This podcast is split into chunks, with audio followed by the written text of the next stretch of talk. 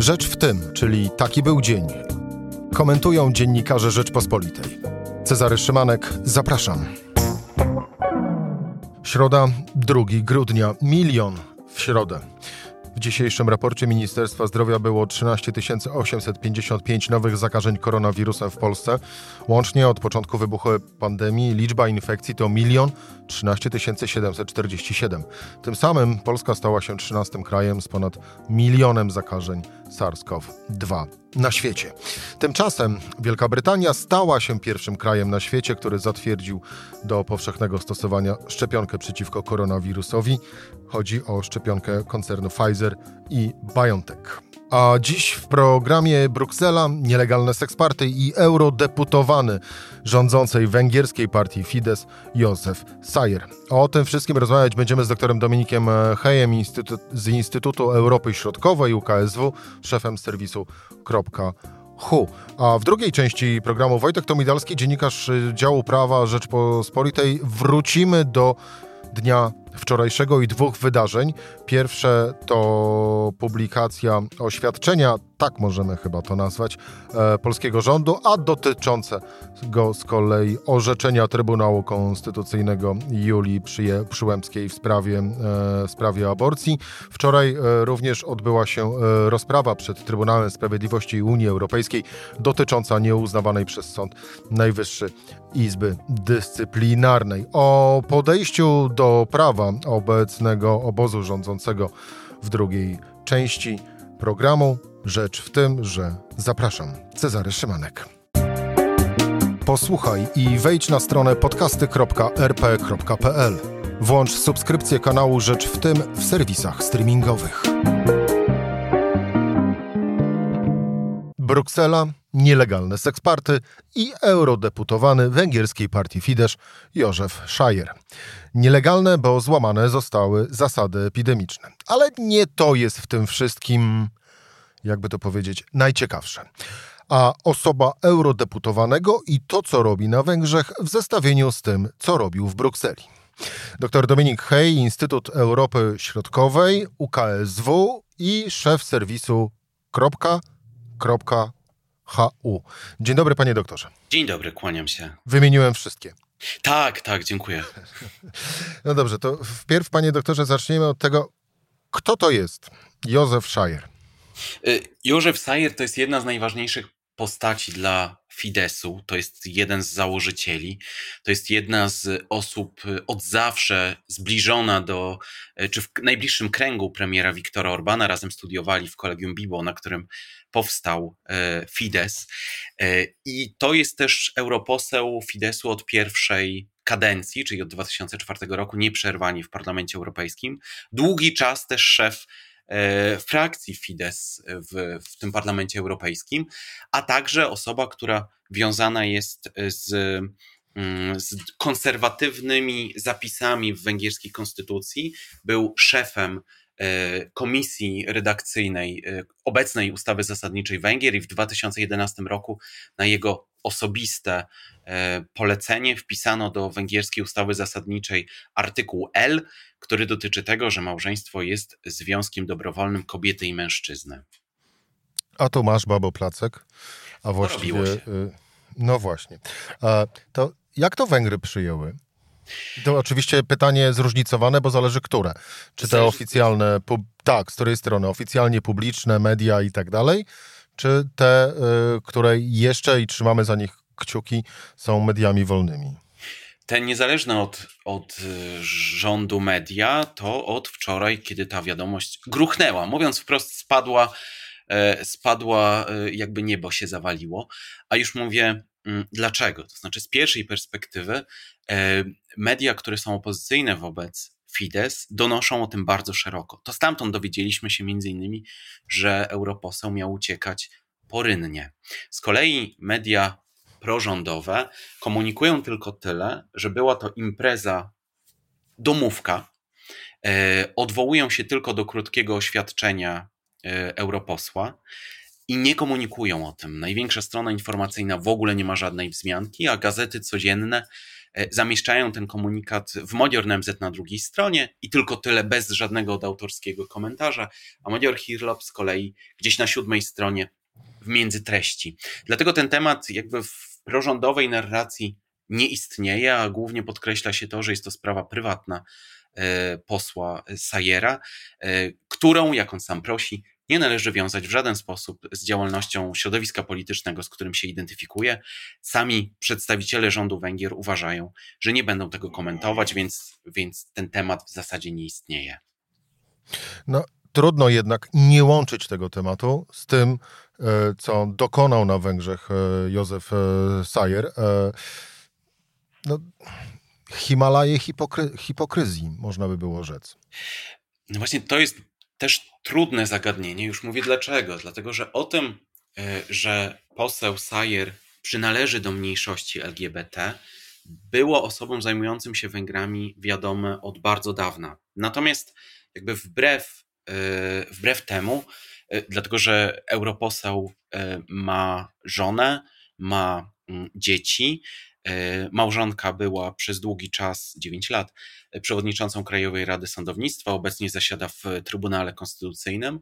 Natomiast sam mm, poseł e, bardzo negatywnie wypowiadał się o pewnej rozwiązłości kulturowej i o innych zagadnieniach, które są z tym zagadnieniem związane.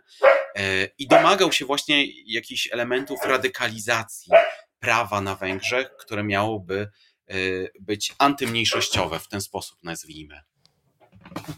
Przy okazji pozdrawiamy psa. Jak ma na imię? E, Horti, tak się akurat wabi, ale już zamykam przestrzeń, w której on mógłby e, tutaj biegać, więc już go wyeliminowałem. Mam nadzieję, że teraz już nie będzie.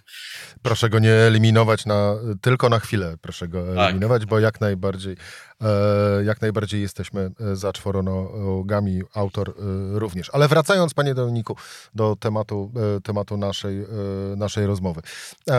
Czy, czy ta wiadomość, te wydarzenia, one w jakikolwiek sposób ruszą, tkną, wzruszą, naruszą układ polityczny na, na Węgrzech? Nie, a już mówię y, dlaczego. Z jednej strony dlatego, że y, wyborcy czy, czy twardy elektorat Fidesu uzna, że były to występki, które mogły być na przykład prowokowane. Szczególnie teraz, kiedy węgierski rząd y, stara się zawetować unijny budżet, to można dorobić taką narrację, że jest to na przykład prowokacja osób powiązanych z Szoroszem, której celem jest zdyskredytowanie oporu wewnątrz Europejskiej Partii Ludowej, y, głównie w odniesieniu właśnie do, do Sajera. Po drugie, sytuacja, czy właściwie y, struktura socjodemograficzna Węgier jest taka, że większość osób y, związanych z opozycją to jest tylko Budapeszt i żadne inne miasto.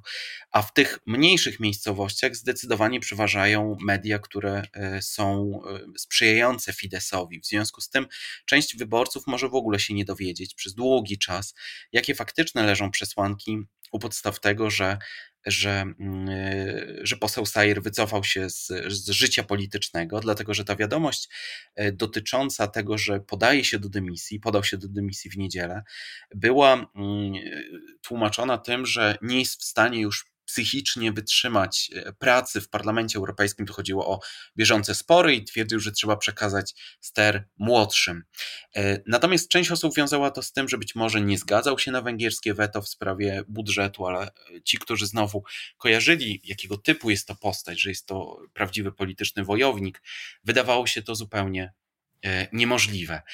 No i Nazajutrz, w zasadzie dwa dni później, we wtorek, gruchnęła ta wiadomość dotycząca faktycznych przyczyn, które leżą u, u, u podstaw tego, dlaczego Józef Sayer z polityką, czynną polityką, nie wiadomo na jak długo, przynajmniej w europejskim wymiarze, będzie się, mm, nie będzie się już wiązał. No właśnie, o tym wydarzeniem, które tak naprawdę było owym realnym powodem e, kłopotów yy, w sferze politycznej, jak i również o owych niemożliwością wytrzymania yy, ze, ze, względu na stan zdrowia psychicznego w polityce. No to było słynne e, przyjęcie w suterenie klubu gejowskiego e, w Brukseli. E, to nas wszystko też, panie Dominiku, prowadzi do pytania o to, jak bardzo wytrwałe będą Węgry, jak Orban, premier Viktor Orban, będzie twardy w swoim stanowisku, stanowisku weta wobec budżetu unijnego i funduszu odbudowy, podszytych oczywiście, bo o tym, o tym cały czas jest mowa, podszytych podszytym e, praworządnością i powiązaniem e, z praworządnością wypłaty e, owych środków. Wydaje się, że ta pozycja będzie niezmienna. To znaczy, teraz, gdyby nagle wycofał, Fidesz wycofał się z, z tego weta, to wyglądałoby tak, jakby można było wywrzeć na to ugrupowanie czy na rząd E, nacisk. Wtedy dałoby się udowodnić, że, że za wszystkim stały służby i ich prowokacja. Natomiast y, już mówię, dlaczego to nie jest takie proste z węgierskiej perspektywy. Czego boją się tak naprawdę Węgry? Powiązanie funduszy z praworządnością, praworządnością rozumianą w ten sposób, że czy są bezpieczne fundusze unijne. Sama reforma, która miała miejsce na Węgrzech przez dekadę, na przestrzeni ostatniej dekady związana z wymiarem e, sprawiedliwości, została E, przez e, Unię Europejską, moim zdaniem, zalegitymizowana, przyklepana i nikt się jej nie sprzeciwia. Chodzi wyłącznie o to, czy obecny system sądownictwa na Węgrzech gwarantuje transparentność w procesach, na przykład kontroli wydatkowania unijnych środków. A Węgry mają z tym zagadnieniem e, spory problem. Natomiast jeżeli chodzi o jeszcze jedno zagadnienie związane z polityką wewnętrzną, w ramach narodowych konsultacji, czyli wysyłania wszystkim Węgrom ankiet, coś e, na wzór wielkiego referendum, między czerwcem a końcem sierpnia Węgrzy mieli się wypowiedzieć w kwestiach związanych z koronawirusem i, i przyszłością. I tam się pojawiło takie pytanie dotyczące wprost funduszu Next Generation, czyli tego funduszu odbudowy, gdzie mm, pytano o to, czy Węgrzy są za tym, żeby rząd przyjął pakiet Szorosza, e, który polega na tym, żeby, żeby uzależnić państwa członkowskie od spekulantów. W taki sposób, żeby musieli się, musiały się te państwa zadłużyć i spłacać potem dług wobec Szorosza i podobnych osób. I milion siedemset tysięcy osób, które zechciały odpowiedzieć na to pytanie, łącznie w tych konsultacjach wzięło udział milion osiemset tysięcy e, osób, a milion siedemset tysięcy zagłosowało na pytanie czwarte, było takie, żeby e, ten plan odrzucić. W związku z tym z pobudek wewnętrznych Viktor Orban e, sam fundusz odbudowy odrzucić, odrzucić musiał. W dyskursie nie pojawiała się krytyka e, funduszu perspektywy 2001-2027 jako takiej, tylko wyłącznie właśnie e, tego jednego mm, elementu, tak, z obecnej perspektywy najważniejszego. Natomiast do tego się to sprowadzało. Czyli znowuż do hipokryzji, no bo trudno też inaczej nazwać owe, owe pytanie zadane w tej ankiecie. Halo? Wszystko ok? Przepraszam, Dominiku? tak, przepraszam, właśnie ów pies zdążył spadając z parapetu, za co przepraszam, ale staram się nie, nie ma za co. łączności. E, nie ma za co. Komputer razem ze wszystkim, proszę mi wybaczyć, ale mam mały wpływ obecnie na niego.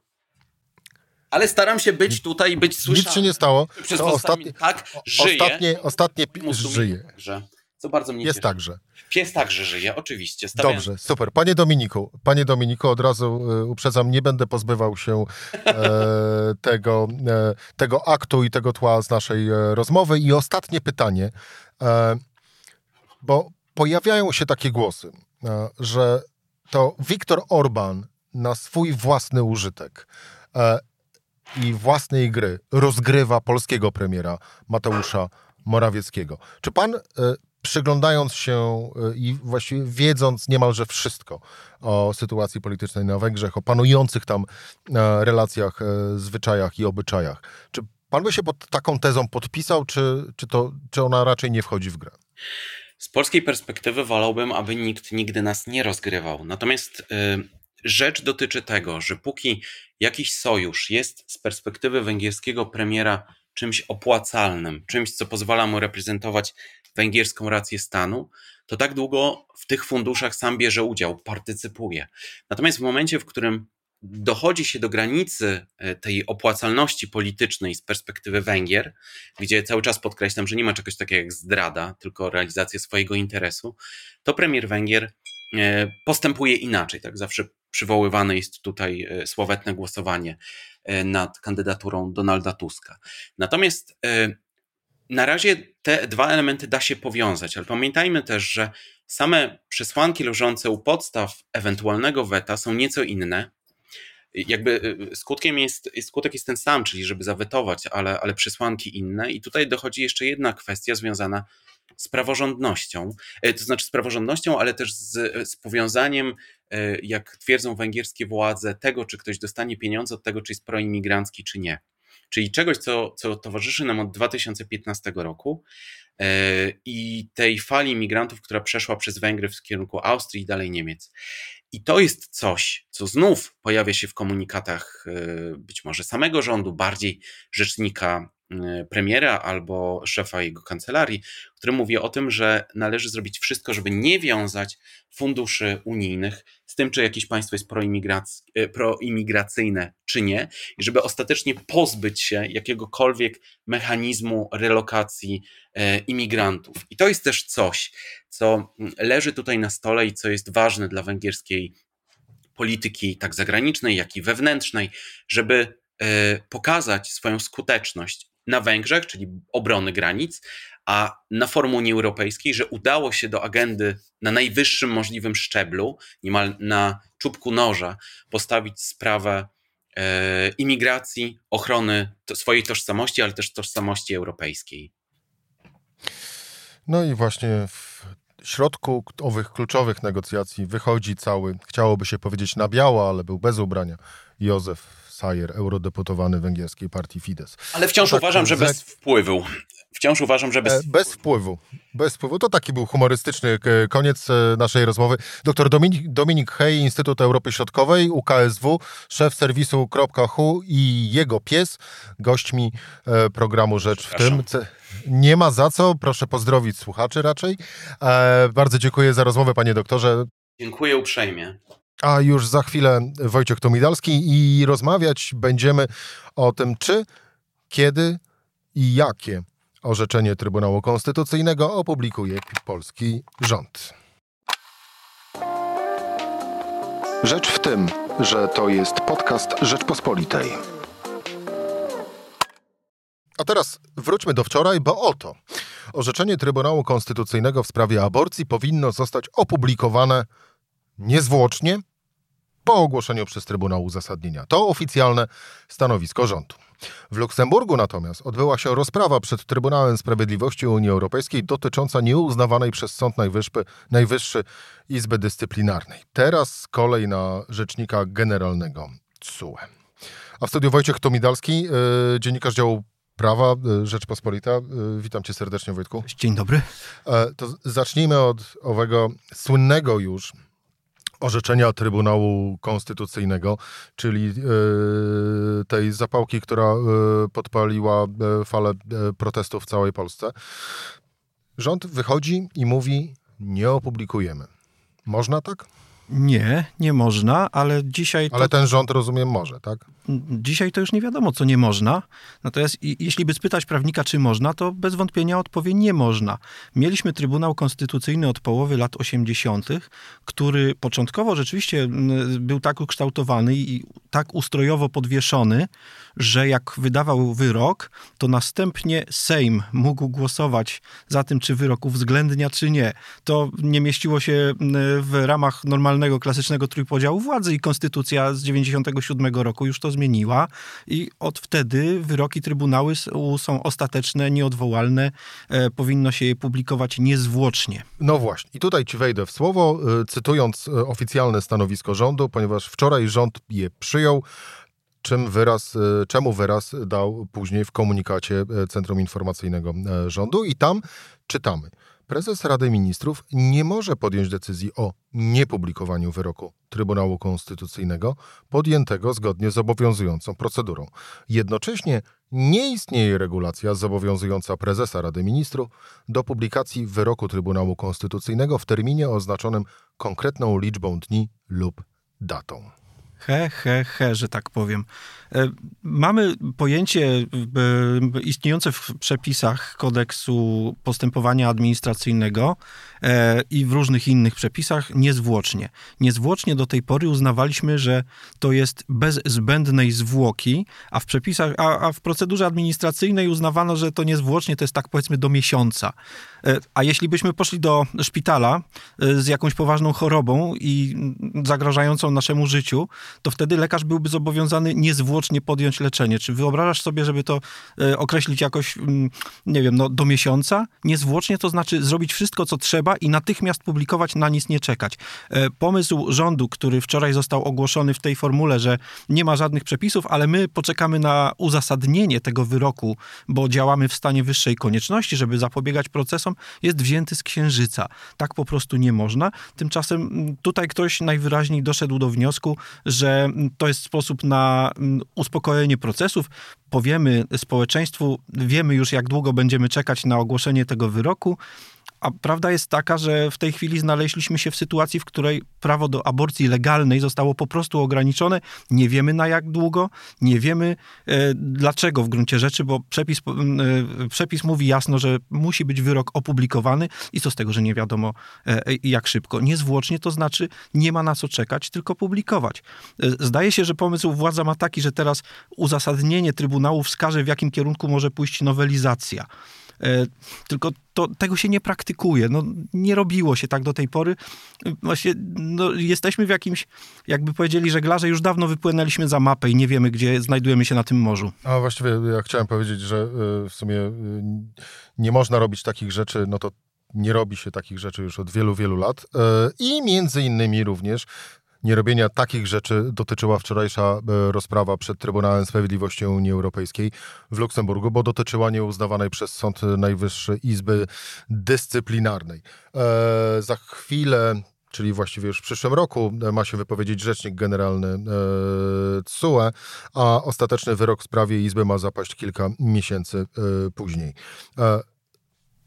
Esencjonalnie wytłumaczmy, e, Wojtek, o co chodzi w, e, w, tej rozprawie. Właśnie znowu jesteśmy poza mapą, ponieważ, e, ponieważ skarga Komisji Europejskiej na Polskę, która ustanowiła sobie nowe przepisy dyscyplinarne dla sędziów, zarzut jest taki, że one uchybiają unijnej zasadzie praworządności w tym sensie, że minister sprawiedliwości, prokurator generalny, który miał wielki wpływ na obsadzenie Izby Dyscyplinarnej, krótko mówiąc, tam się znalazło bardzo wielu nominatów, e, bardzo wielu byłych prokuratorów, no jakoś tam zależnych i podległych prokuratorowi generalnemu. Teraz mają robić porządki w całym sądownictwie, stawiając prokuraturę ponad sądami, że tak powiem, e, w pewnym uproszczeniu.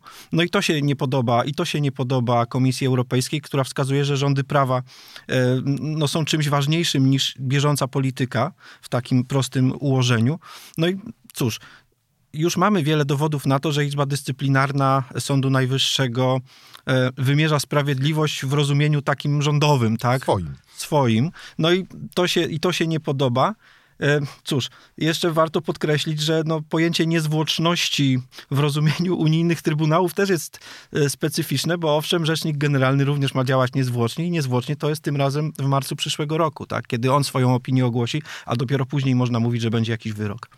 E, a dokładnie 18 marca 2021 roku. Do tego czasu, jak rozumiem, Izba Dyscyplinarna będzie dalej robiła to, co robi do tej pory. No tak, bo tak sobie w tej chwili prawnicy z tej izby wyinterpretowali zabezpieczenie, które obowiązuje. Trybunał już wcześniej, ten luksemburski, e, udzielił tak zwanego zabezpieczenia, czyli wyznaczył ramy, w jakich coś może działać lub nie. I Trybunał zawiesił przepisy, na podstawie których funkcjonuje Izba Dyscyplinarna Sądu Najwyższego. Izba zrozumiała to w ten sposób i Sąd Najwyższy, że nie wolno im sądzić sędziów, w sensie wymierzać im kar dyscyplinarnych, ale nie zabroniono im uchylania immunitetów sędziowskich, czy też nie zabroniono im e, nie zabroniono im karania dyscyplinarnego innych prawników niż sędziowie, bo tej izbie podlegają także prokuratorzy, adwokaci i izba to robi. Czy może robić? Mam poważne wątpliwości, obawiam się, że nie może.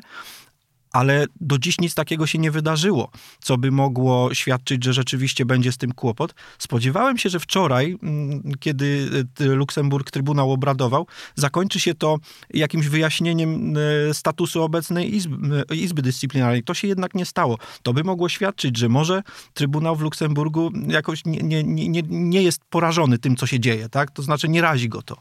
Ale z drugiej, z drugiej strony sytuacje dotyczące od chociażby sędziego, e, sędziego Tulei e, no, mogą porażać. Owszem, mogą. Sędzia Igor Tuleja mm, jest zawieszony w obowiązkach służbowych. Jego I właśnie przez Izbę Dyscyplinarną. Tak jest. Jego uposażenie jest obniżone o 25%. E, odebrano mu sprawy, a miał ich kilkadziesiąt, w tym poważne historie, na przykład zarzut dzieciobójstwa, na przykład grupa przestępcza.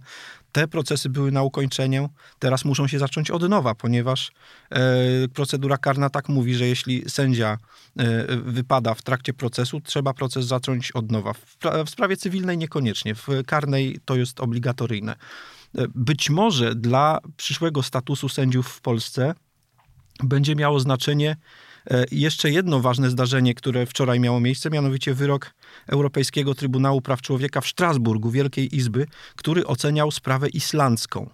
Tam e, obywatel poskarżył się do sądu apelacyjnego i następnie do Trybunału w Strasburgu, że sędzia tego sądu apelacyjnego islandzkiego był nieprawidłowo obsadzony, ponieważ był obsadzony tam e, jako sędzia osoba zależna od rządu. Rząd miał zbyt wielki wpływ na obsadę stanowiska sędziowskiego. Trybunał w Strasburgu uznał to za nieprawidłowe, uznał to za naruszające konwencję europejską i jednocześnie powiedział, że to nie oznacza, że wszelkie nieprawidłowe powołania sędziowskie, e, jakie miały miejsce do tej pory, muszą być e, uchylone i trzeba powoływać sędziów na nowo, więc jakby to nie jest wskazówka, żeby wszystkich sędziów, na przykład w Polsce, powołanych z udziałem obecnej KRS, która e, no też budzi pewne kontrowersje, e, odwoływać i powoływać na nowo, ale to mówi na przyszłość, że uważajcie, już w przyszłości tak nie róbcie.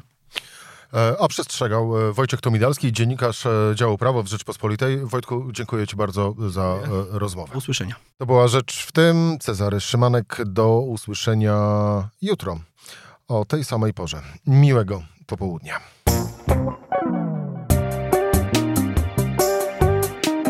Rzecz w tym to codzienny program Rzeczpospolitej. Od poniedziałku do czwartku o godzinie 17.